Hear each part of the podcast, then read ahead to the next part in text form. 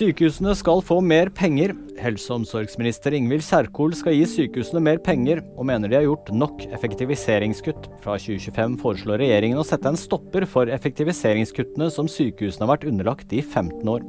Dette sa Kjerkol da hun holdt den årlige sykehustalen i Bergen tirsdag, skriver NTB. Norge stanser adopsjoner fra flere land.